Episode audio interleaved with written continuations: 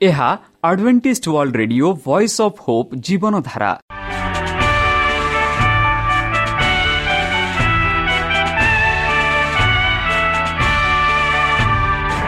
Odia radio କାର୍ଯ୍ୟକ୍ରମ ଯାହା ଆମର ଆନ୍ତର୍ଜାତୀୟ ଆଘାତ କେନ୍ଦ୍ରରୁ ପ୍ରସାରଣ କରାଯାଉଛି ପ୍ରତିଦିନ ରାତି ନଅଟା ତିରିଶ ମିନିଟ୍ରେ।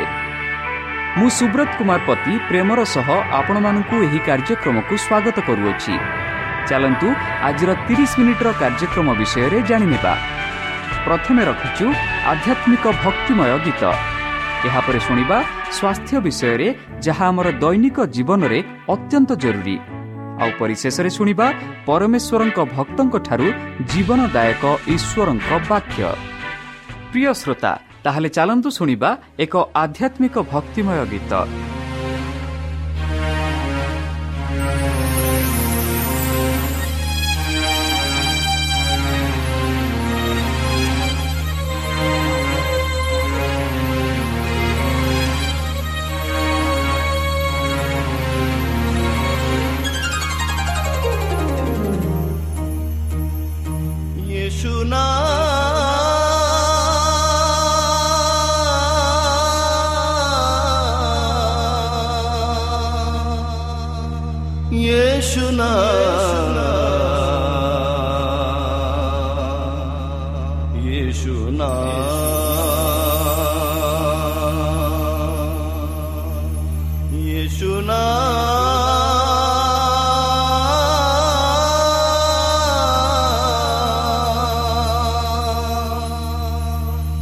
মুক্তি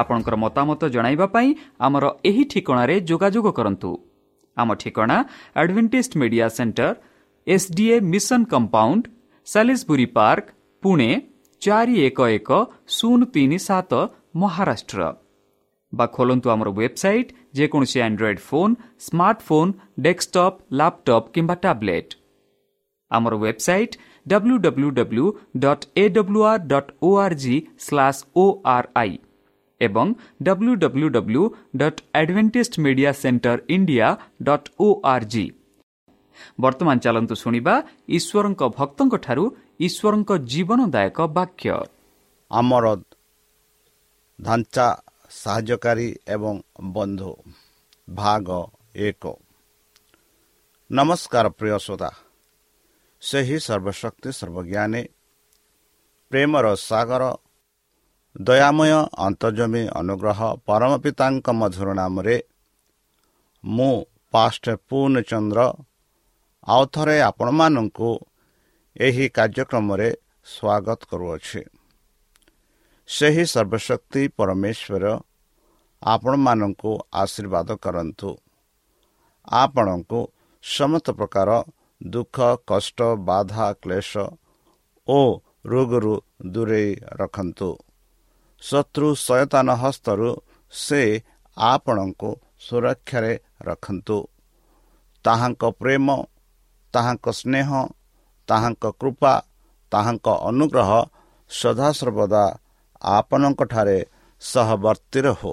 ପ୍ରିୟସତା ଚାଲନ୍ତୁ। ଆଜି ଆମ୍ଭେମାନେ କିଛି ସମୟ ପବିତ୍ର ଶାସ୍ତ୍ର ବାଇବଲଠୁ ତାହାଙ୍କ ଜୀବନଦାୟକ ବାକ୍ୟ ଧ୍ୟାନ କରିବା। ଆଜିର ଆଲୋଚନା ହେଉଛି ଆମର ଢାଞ୍ଚା ସାହାଯ୍ୟକାରୀ ଏବଂ ବନ୍ଧୁ। ବନ୍ଧୁ ଚାଲନ୍ତୁ ଗୋଟିଏ ପ୍ରଶ୍ନ ନିଜକୁ ପଚାରିବା। କ'ଣ ଖ୍ରୀଷ୍ଟମାନଙ୍କୁ ଏକୁଟିଆ ରହିବା ପାଇଁ ଚାହୁଁଛନ୍ତି କି? ନା। ଯଦି ଆମେ ପ୍ରଥମ ଜହନ ଦୁଇ ଛଅ ପଢ଼ିବା ସେଠି ଆମେ ପାଉଅଛୁ। ଜହନ ଲେଖନ୍ତି ଯେ ତାହାଙ୍କଠାରେ ରୁହେ ବୋଲି କହେ ତାହାର ତାହାଙ୍କ ପରି ଆଚରଣ କରିବା ମଧ୍ୟ କର୍ତ୍ତବ୍ୟ।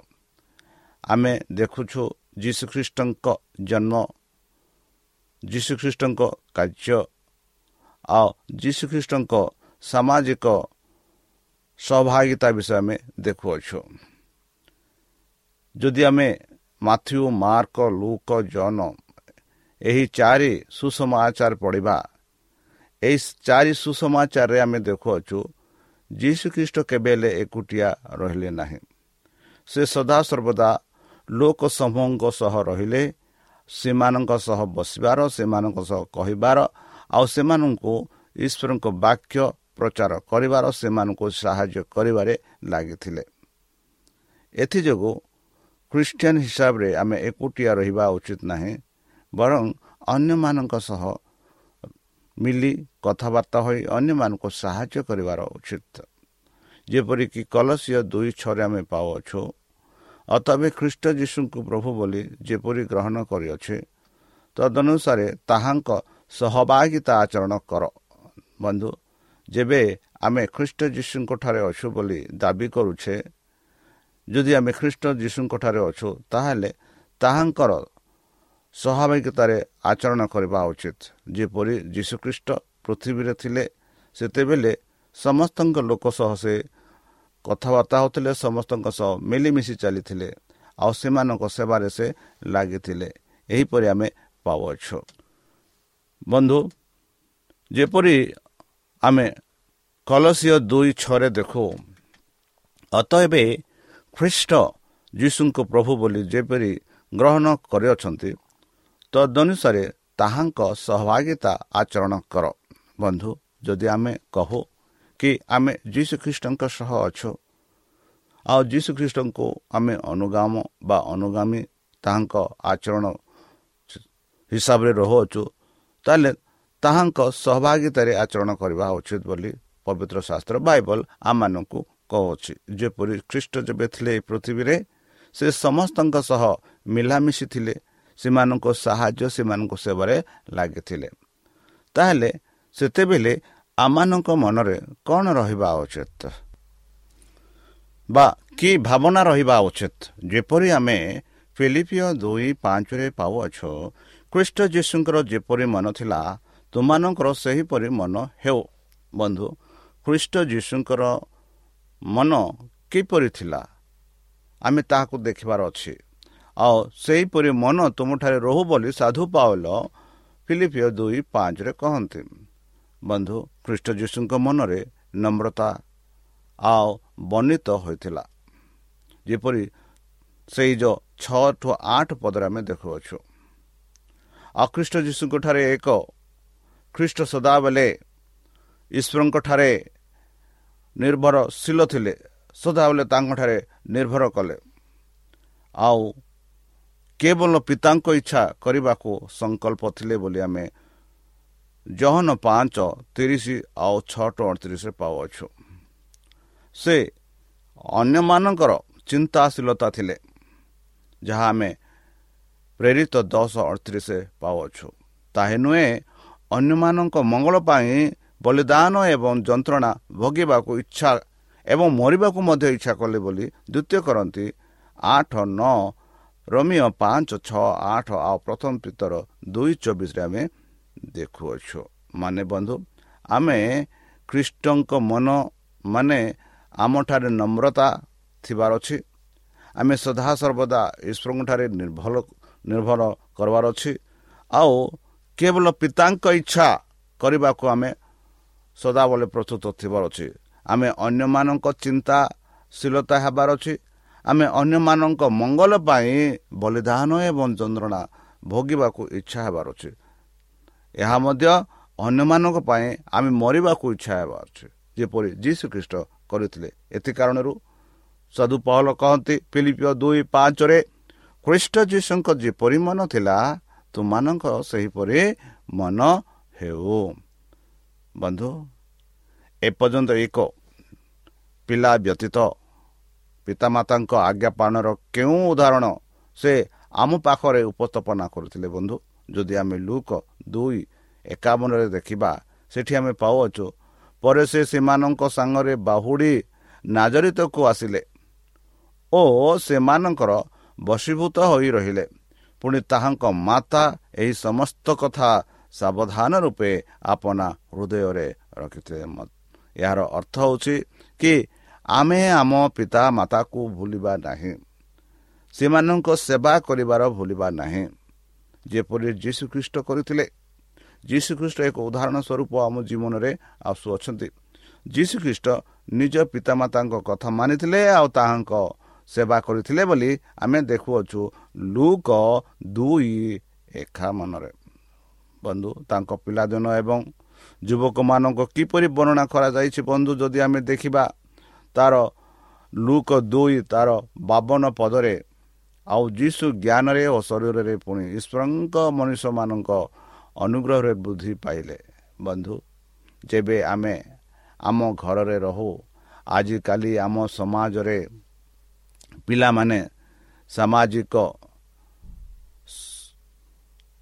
ସାମାଜିକ ଜୀବନରେ ବଞ୍ଚିବା ପାଇଁ ଚେଷ୍ଟା କରନ୍ତି ମାତ୍ର ତାହା ଅନ୍ୟ ରୂପରେ ନେଇଥାଏ।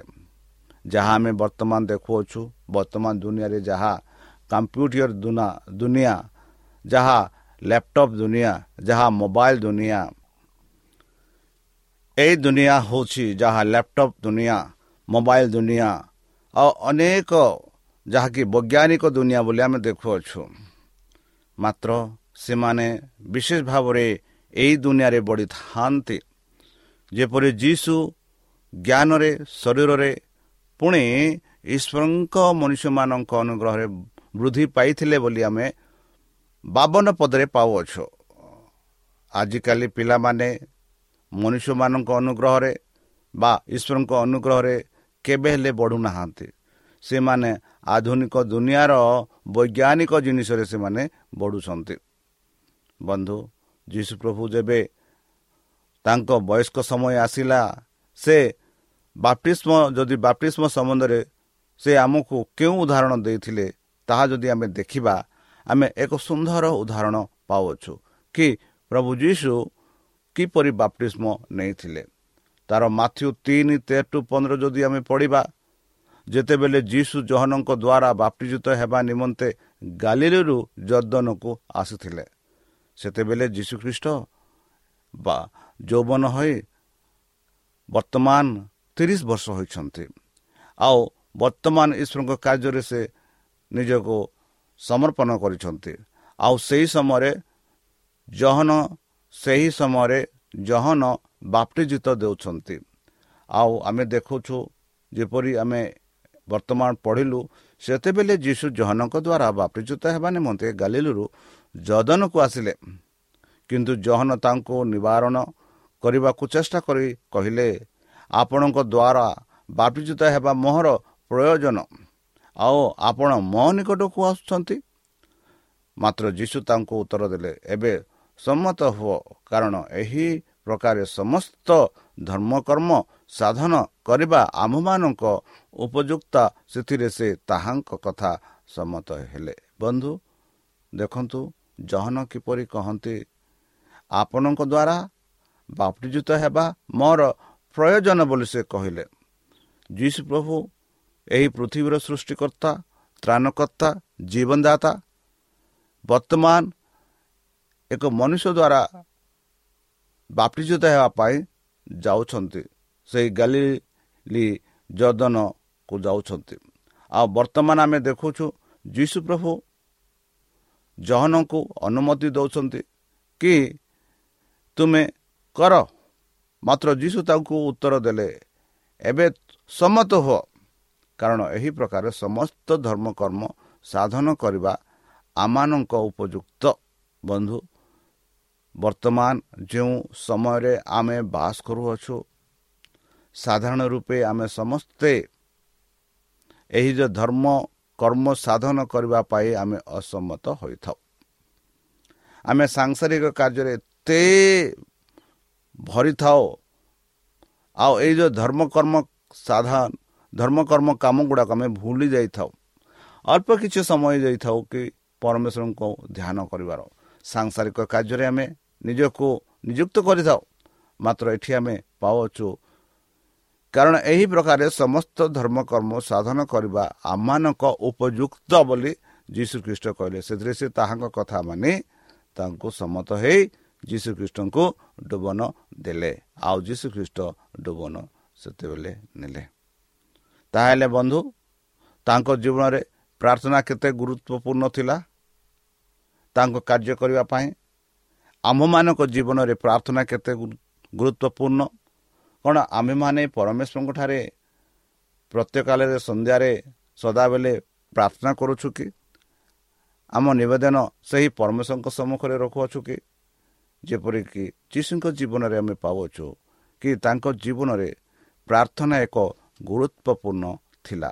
ଯେପରି ଆମେ ଲୁକ ଛଅ ବାରରେ ଦେଖୁଅଛୁ ସେଠି କହୁ କହୁଅଛି ଲୁକ କହୁଅଛନ୍ତି ସେହି ସମୟରେ ସେ ଦିନେ ପ୍ରାର୍ଥନା କରିବା ନିମନ୍ତେ ପର୍ବତକୁ ବାହାରି ଯାଇ ଈଶ୍ୱରଙ୍କ ନିକଟରେ ପ୍ରାର୍ଥନା କରୁ କରୁ ସମସ୍ତ ରାତ୍ରି ଯାପନ କଲେ।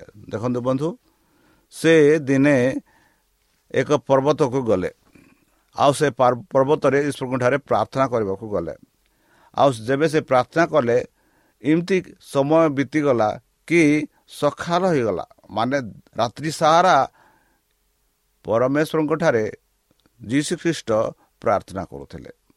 ମାନେ ପ୍ରାର୍ଥନା ଥିଲା ଏକ ତାଙ୍କ ପ୍ରାର୍ଥନା ଥିଲା ଏକ ଯାହାକି ପରମେଶ୍ୱରଙ୍କ ସହିତ ସେ କଥାବାର୍ତ୍ତା ହେଉଥିଲେ। ତାଙ୍କ ସାହାଯ୍ୟ ତାଙ୍କ କାର୍ଯ୍ୟ ତାଙ୍କ ସବୁକିଛି ପରମେଶ୍ୱରଙ୍କୁ କହୁଥିଲେ। ଆଉ ତାଙ୍କ ଇଚ୍ଛା କିପରି ପୂରଣ କରିବେ ସେଇ ବିଷୟରେ ମଧ୍ୟ ପରମେଶ୍ୱରଙ୍କ ସହିତ କଥାବାର୍ତ୍ତା ହେଉଥିଲେ। ଆଉ ପରମେଶ୍ୱରଙ୍କର ସାହାଯ୍ୟ ବି ମାଗୁଥିଲେ ଯେପରି ଯେଉଁ କାର୍ଯ୍ୟ ପାଇଁ ସେ ଆସିଅଛନ୍ତି ସେହି କାର୍ଯ୍ୟ ସଫଳତା ହୋଇପାରିବ। ଏଥି କାରଣରୁ ଲୁକ ଲେଖନ୍ତି ଛଅ ବାରରେ ସେହି ସମୟରେ ସେ ଦିନେ ପ୍ରାର୍ଥନା କରିବା ନିମନ୍ତେ ପର୍ବତକୁ ବାହାରି ଯାଇ ଈଶ୍ୱରଙ୍କ ନିକଟରେ ପ୍ରାର୍ଥନା କରୁ କରୁ ସମସ୍ତ ରାତ୍ରି ଯାପନ କଲେ। ମାନେ ସମସ୍ତ ରାତ୍ରି ଥାଇ ଈଶ୍ୱରଙ୍କ ଠାରେ ସେ ପ୍ରାର୍ଥନା କଲେ। ଯଦି ଆମେ ଲୁକ ନଅ ଅଠାଇଶରେ ପଢ଼ିବା ଏହି ସମସ୍ତ ଘଟଣାର ପ୍ରାୟ ଆଠ ଦିନ ପରେ ସେ ପିତର ଜହନ ଓ ଜାକୁବଙ୍କୁ ସାଙ୍ଗରେ ଘେନି ପ୍ରାର୍ଥନା କରିବା ନିମନ୍ତେ ପର୍ବତକୁ ଉପରକୁ ଗଲେ। ଦେଖନ୍ତୁ ବନ୍ଧୁ ଯୀଶୁ ପ୍ରଭୁ ଆପଣା ଶିଷ୍ୟମାନଙ୍କୁ ନେଇ ଆଉ ସେମାନେ ଥିଲେ ପ୍ରୀତବ ପିତର ଜହନ ଆଉ ଜାକୁବ। ସେମାନଙ୍କୁ ସେ ତାଙ୍କ ସହ ନେଇ ସେହି ପର୍ବତ ଉପରକୁ ଗଲେ। ଆଉ ସେହି ପର୍ବତ ଉପରେ ପ୍ରାର୍ଥନା କରିବା ନିମନ୍ତେ ସେମାନେ ଗଲେ ବୋଲି ପବିତ୍ର ଶାସ୍ତ୍ର ବାଇବଲ କହୁଅଛି। ବନ୍ଧୁ ଯୀଶୁଖ୍ରୀଷ୍ଟ ତାଙ୍କ ଜୀବନରେ କେଉଁ ପ୍ରକାର କାର୍ଯ୍ୟ ପାଇଁ ତାଙ୍କ ଜୀବନର କି ପ୍ରକାର ଉତ୍ସର୍ଗ କରିଥିଲେ ଆମମାନେ ପାଉଅଛୁ। ପ୍ରେରିତ ଦଶ ଅଠାଇଶରେ ଲୁକ କହନ୍ତି ଅର୍ଥାତ୍ ନାଜରୀୟ ଯୀଶୁଙ୍କ କଥା କିପରି ଈଶ୍ୱର ତାହାଙ୍କୁ ପବିତ୍ର ଆତ୍ମା ଓ ଶକ୍ତିରେ ଅଭିଷିକ୍ତ କଲେ ଆଉ ସେ ମଙ୍ଗଳ ସାଧନ କରୁ କରୁ ଓ ସୈତାନ କର୍ତ୍ତୃତ୍ୱ ପ୍ରପୀଡ଼ିତ ସମସ୍ତ ଲୋକଙ୍କୁ ସୁସ୍ଥ କରୁ କରୁ ସର୍ବତ୍ର ଭ୍ରମଣ କଲେ। କାରଣ ଈଶ୍ୱର ତାହାଙ୍କ ସହବର୍ତ୍ତୀ ଥିଲେ। ବନ୍ଧୁ ପରମେଶ୍ୱର ଯେବେ ଏହି ପୃଥିବୀରେ ଥିଲେ ସମସ୍ତ କାର୍ଯ୍ୟ କଲେ। ପୀଡ଼ିତ ଲୋକମାନଙ୍କୁ ସ୍ୱାସ୍ଥ୍ୟ କରୁଥିଲେ। ଦୁଃଖିତ ଲୋକମାନଙ୍କୁ ସ୍ୱାନ୍ତ ଦେଲେ। ଆଉ ଈଶ୍ୱରଙ୍କ ବାକ୍ୟ ସେମାନଙ୍କୁ ପ୍ରଚାର କଲେ। ଏହିପରି କାର୍ଯ୍ୟରେ ସେ ନିଜକୁ ଯୁକ୍ତି କରୁଥିଲେ ନିଜକୁ ନିଯୁକ୍ତି କରିଥିଲେ। ଆଉ ସେ କାର୍ଯ୍ୟ ଦିନ ରାତି ସେ କରୁଥିଲେ ବନ୍ଧୁ। ଏହି ପ୍ରକାରେ ସେ ନିଜକୁ ଉତ୍ସର୍ଗ କରିଥିଲେ। ଏହି ପ୍ରକାରେ ଯୀଶୁ ତାଙ୍କ ଜୀବନ ଏହି କାର୍ଯ୍ୟରେ ଉତ୍ସର୍ଗ କରିଥିଲେ ବୋଲି ପ୍ରେରିତ ଦଶ ଅଠତିରିଶରେ ଆମେ ପାଉଅଛୁ। ଏହା କ'ଣ ଥିଲା ଯାହା ଯୀଶୁଙ୍କୁ ସ୍ୱର୍ଗର ଧନ ଛାଡ଼ି ପୃଥିବୀରେ ଏହାଠାକୁ ଆସିବାକୁ ପଡ଼ିଲା? ବନ୍ଧୁ ଯୀଶୁ ଖ୍ରୀଷ୍ଟ ସ୍ୱର୍ଗରେ ବାସ କରୁଥିଲେ। ତାହେଲେ ଏହା କ'ଣ ଥିଲା କି ତାଙ୍କୁ ସେଇ ସ୍ୱର୍ଗର ଧନ ଛାଡ଼ି ଏହି ପାପିମୟ ପୃଥିବୀକୁ ଆସିବାକୁ ପଡ଼ିଲା? ଏହାର କାରଣ କ'ଣ ଥିଲା? ଯଦି ଆମେ ଦେଖିବା ଦ୍ୱିତୀୟ କରନ୍ତି ତାର ଆଠ ନଅ ସେଠି ଆମେ ପାଉଛୁ କାରଣ ଆମମାନଙ୍କ ପ୍ରଭୁ ଯୀଶୁଖ୍ରୀଷ୍ଟଙ୍କ ଅନୁଗ୍ରହ ତୁମାନେ ଜାଣ ତୁମାନେ ଯେପରି ତାହାଙ୍କ ଦରିଦ୍ରତା ଦ୍ୱାରା ଧନଧାନ ଧନବାନ ହୁଅ ଏଥିପାଇଁ ସେ ଧନୀ ହେଲେ ହେଁ କିପରି ତୁମାନଙ୍କ ନିମନ୍ତେ ଦରିଦ୍ର ହେଲେ? ବନ୍ଧୁ ଯୀଶୁଖ୍ରୀଷ୍ଟ ଏହି ପୃଥିବୀର ସୃଷ୍ଟିକର୍ତ୍ତା ତ୍ରାଣକର୍ତ୍ତା ଉଦ୍ଧାରକର୍ତ୍ତା ଏହି ପୃଥିବୀ ହେଉଛି ତାଙ୍କର ସ୍ୱର୍ଗ ହେଉଛି ତାଙ୍କର ଯେତେ ଧନ ଦର୍ପ ଆମେ ଦେଖାଉଛୁ ସବୁ କିଛି ତାଙ୍କର। ଆଉ ସେହି ସବୁ ଛାଡ଼ି ଏହି ପୃଥିବୀକୁ ଆସିଲେ ଏହି ଦରିଦ୍ର ମାନବ ସହ ବାସ କଲେ ନିଜକୁ ଦରିଦ୍ର କଲେ କାହା ପାଇଁ? ଆମମାନଙ୍କ ପାଇଁ। ତାଙ୍କ ଦରିଦ୍ର ଦ୍ୱାରା ଆମେ ଯେପରି ଆମେ ପରିତ୍ରାଣ ପାଇପାରିବା ସେଥିପାଇଁ ଯୀଶୁ ଖ୍ରୀଷ୍ଟ ସ୍ୱର୍ଗ ଛାଡ଼ି ଏହି ପୃଥିବୀକୁ ଆସିଲେ ବନ୍ଧୁ। ତାଙ୍କ ଦରିଦ୍ର ଦ୍ୱାରା ଯେପରି ଆମେ ସେହି ପରମ ପିତାଙ୍କ ପାଖକୁ ଯାଇପାରିବା ସେଥିପାଇଁ ସେ ଏହି ପୃଥିବୀକୁ ଆସିଲେ।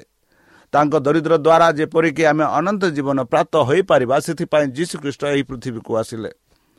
ତାଙ୍କ ଦରିଦ୍ର ଦ୍ୱାରା ଯେପରିକି ପରମେଶ୍ୱରଙ୍କ ଅନୁଗ୍ରହ ଆମେ ପ୍ରାପ୍ତ ହୋଇପାରିବା ସେଥି ନିମନ୍ତେ ଯୀଶୁ ଖ୍ରୀଷ୍ଟ ଏହି ପୃଥିବୀକୁ ଆସିଲା ଆସିଲେ।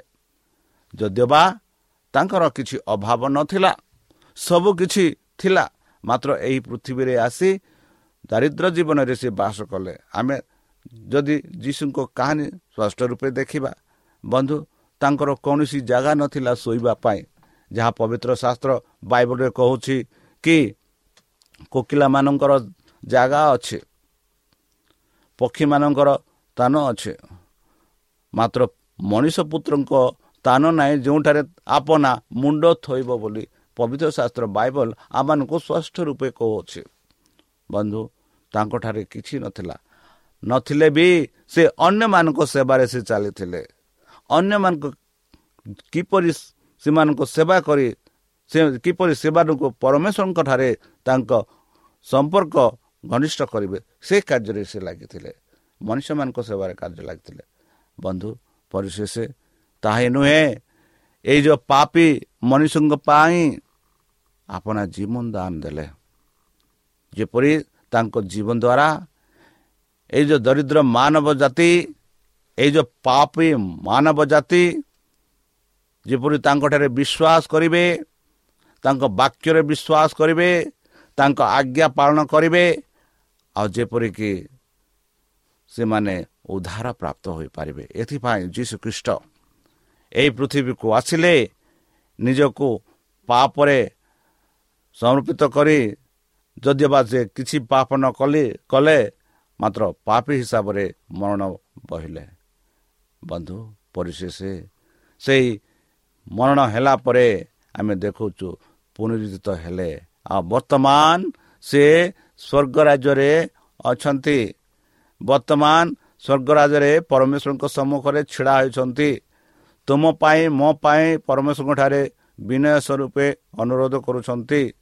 କହୁଛନ୍ତି ପିତା ଏ ମୋର ପୁତ୍ର ଆ ପାଇଁ ମୁଁ ରକ୍ତ ବହି ଅଛି। ଆର ପାପର ମୂଲ୍ୟ ମୁଁ ଦେଇଅଛି। ଆର ପାପ ସବୁ ତମେ କ୍ଷମା କର।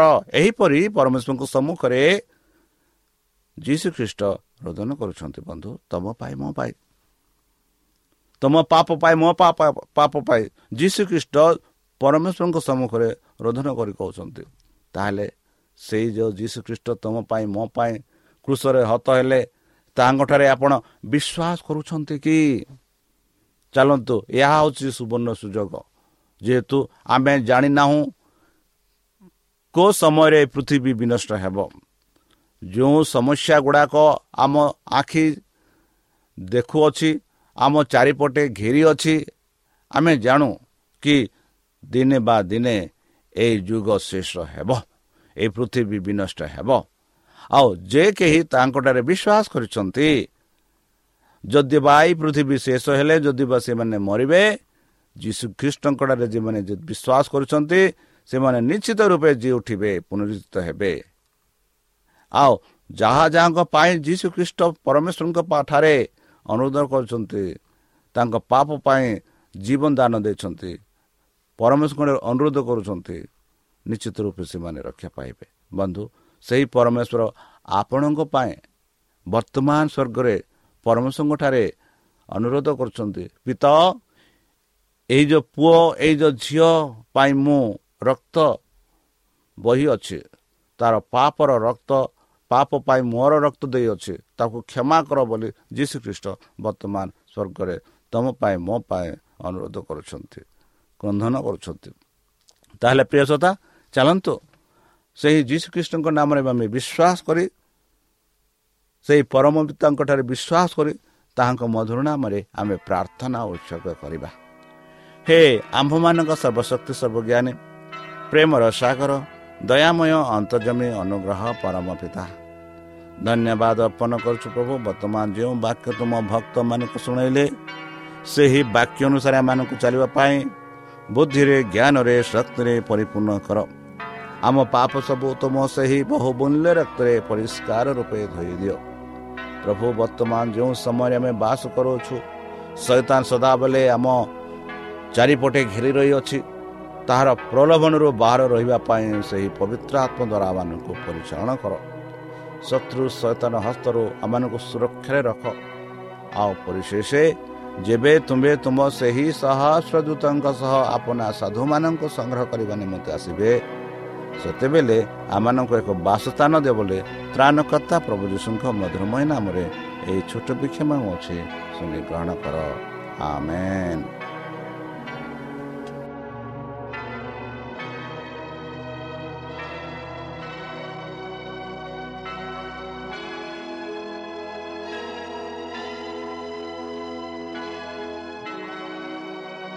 প্রিয় শ্রোতা আমি আশা করুଛୁ ଯେ ଆମର କାର୍ଯ୍ୟକ୍ରମ ଆପଣମାନଙ୍କୁ ପସନ୍ଦ ଲାଗୁଥିବ ଆପଣଙ୍କର ମତାମତ ଜଣାଇବା ପାଇଁ ଆମର ଏହି ଠିକଣାରେ ଯୋଗାଯୋଗ କରନ୍ତୁ ଆମ ଠିକଣା Adventist Media Centre SDA Mission Compound Salisbury Park Pune ଚାରି ଏକ ଏକ ଶୂନ ତିନି ସାତ ମହାରାଷ୍ଟ୍ର ବା ଖୋଲନ୍ତୁ ଆମର ୱେବସାଇଟ୍ ଯେକୌଣସି Android phone smartphone desktop laptop କିମ୍ବା ଟ୍ୟାବ୍ଲେଟ୍ ଆମର website W W W dot A W R O R G slash O R I ଏବଂ W W W dot Adventist Media Centre India dot O R G Adventist Media Centre ଇଣ୍ଡିଆର spelling ହେଉଛି A D V E N T I S T M E D I A C E N T R E I N D I A ଅଥବା download କରନ୍ତୁ ଆମର mobile app ଆପଣଙ୍କର mobile play ଷ୍ଟୋରକୁ ଯାଆନ୍ତୁ ଆଉ type କରନ୍ତୁ